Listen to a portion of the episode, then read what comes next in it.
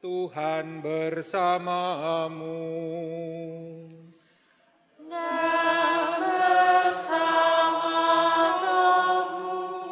Inilah Injil suci menurut Lukas.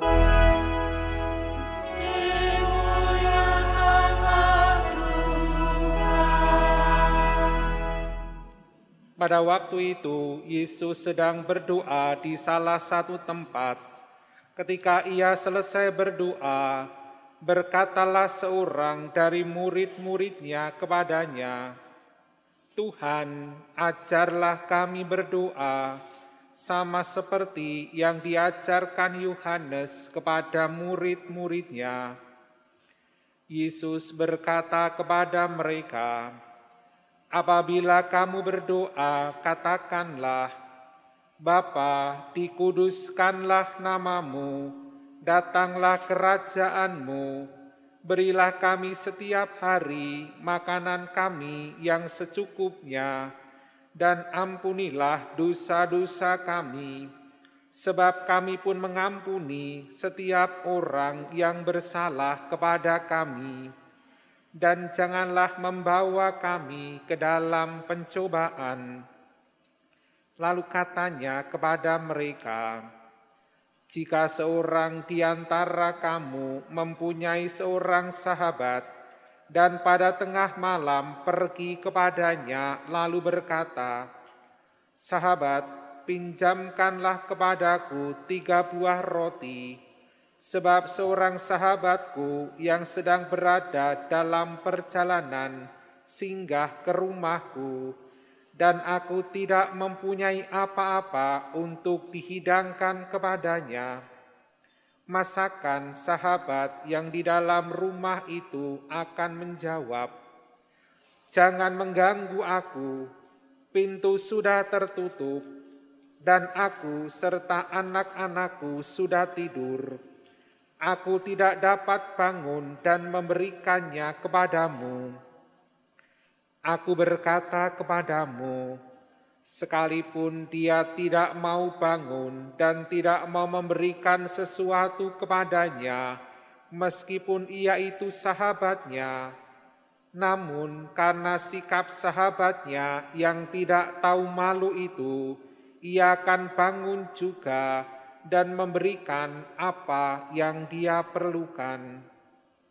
Oleh karena itu, aku berkata kepadamu, mintalah maka kamu akan diberi, carilah maka kamu akan mendapat, ketuklah maka pintu akan dibukakan bagimu. Karena setiap orang yang meminta akan menerima, setiap orang yang mencari akan mendapat, dan setiap orang yang mengetuk akan dibukakan pintu baginya. Bapa manakah di antara kamu yang memberi anaknya sebuah batu kalau anak itu minta roti, atau seekor ular jika anaknya minta ikan, atau kala jengking kalau yang diminta telur. Jadi, jika kamu yang jahat tahu memberikan yang baik kepada anak-anakmu, apalagi Bapamu yang di surga, ia akan memberikan roh kudus kepada siapa pun yang meminta kepadanya. Demikianlah sabda Tuhan. Terpujilah Kristus. Bapak, Ibu, dan Saudara-saudari terkasih, ada nasihat yang sudah sangat kuno tetapi sungguh masih sangat manjur. Dikatakan demikian kalau kita sedang marah hendaknya sudah padam sebelum matahari terbenam. Jadi misalnya kalau ada suami istri sedang bertengkar pada hari itu hendaklah sudah padam kemarahan itu sebelum matahari terbenam sehingga kita tidur bukan membawa kemarahan dan kejengkelan, tetapi sudah dengan penyelesaian atau paling tidak sudah mengungkapkan apakah yang menjadi alasan kemarahan kita.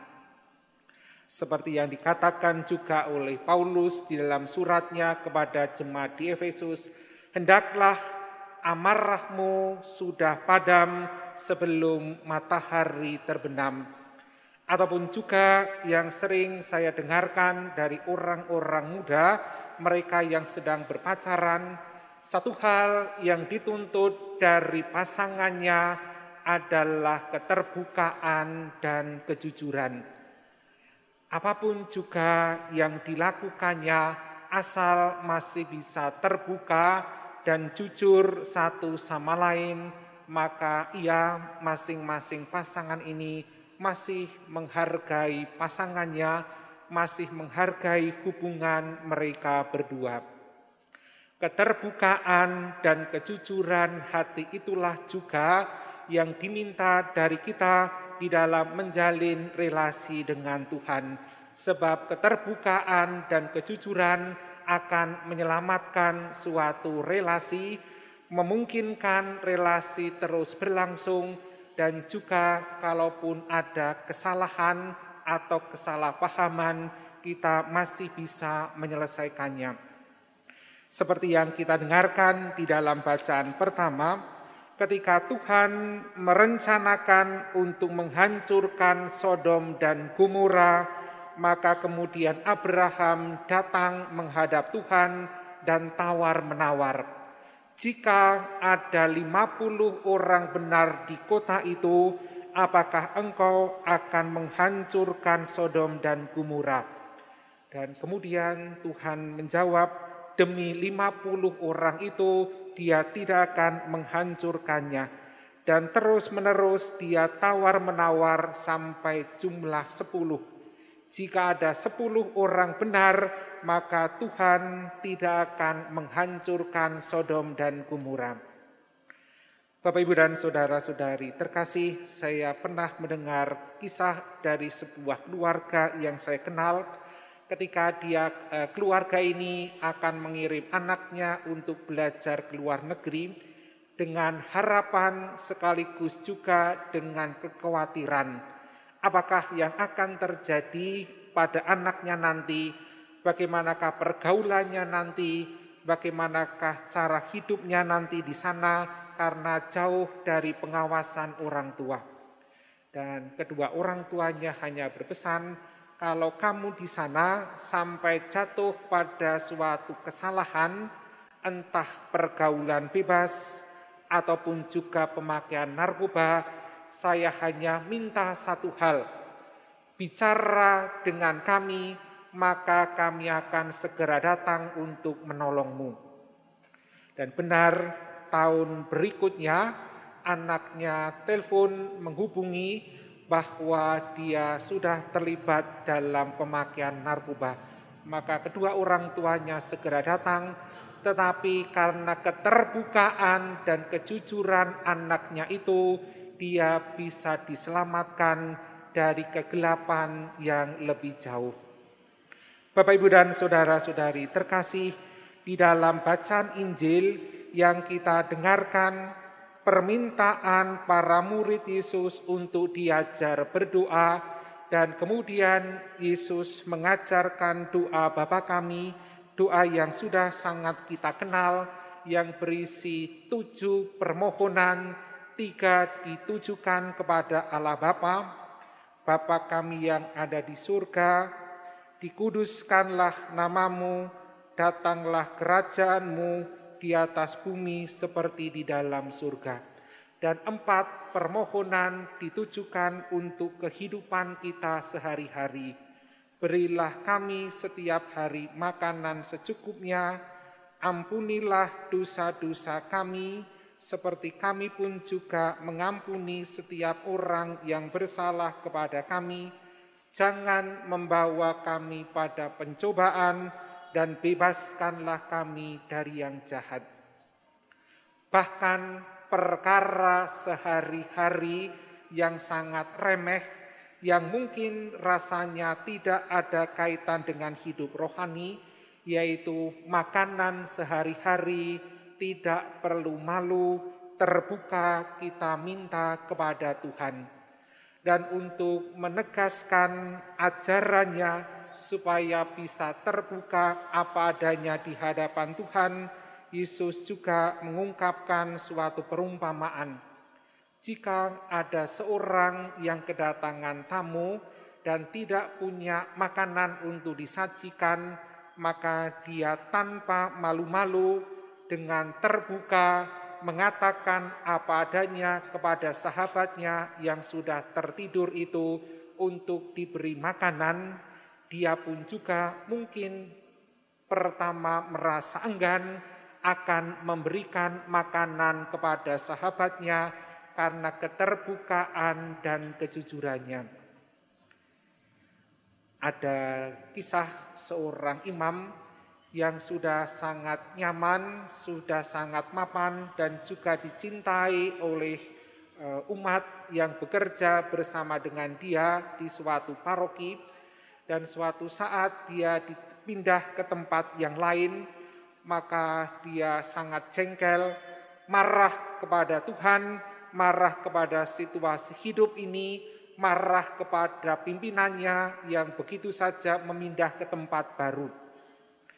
Dan di tempat baru di mana dia bertugas itu, kalau dia akan menuju kamarnya, pasti melewati sebuah kapel kecil di dalam eh, pasturan itu, maka dia selalu mampir sebentar ke kapel itu menghadap tabernakel dan mendoakan doa sialan ya. Sialan, sialan, sialan. Marah kepada Tuhan, marah pada pimpinannya, marah pada situasi hidupnya karena sekarang berada di tempat yang sama sekali tidak dia sukai, sama sekali tidak e, merasa sangat tidak cocok setelah beberapa bulan hanya mendoakan doa sialan-sialan itu setiap malam, lama-kelamaan hatinya juga berubah. Hatinya juga diubah, mulai bisa menerima tugas barunya ini dan juga merasa lebih tenang, lebih damai. Ternyata kejujuran dan keterbukaan lebih akan menyelamatkan hidup kita di dalam banyak hal. Sebab kita tidak perlu membuat skenario ya kalau kita berbohong kita harus menutupi dengan skenario yang lain dan kalau itu hampir ketahuan harus kita tutupi juga dengan skenario yang lain lama-lama kita menjadi pusing sendiri. Keterbukaan dan kejujuran akan membuat kita semakin selaras dengan kehendak dan rencana Tuhan sendiri di dalam hidup kita. Amin.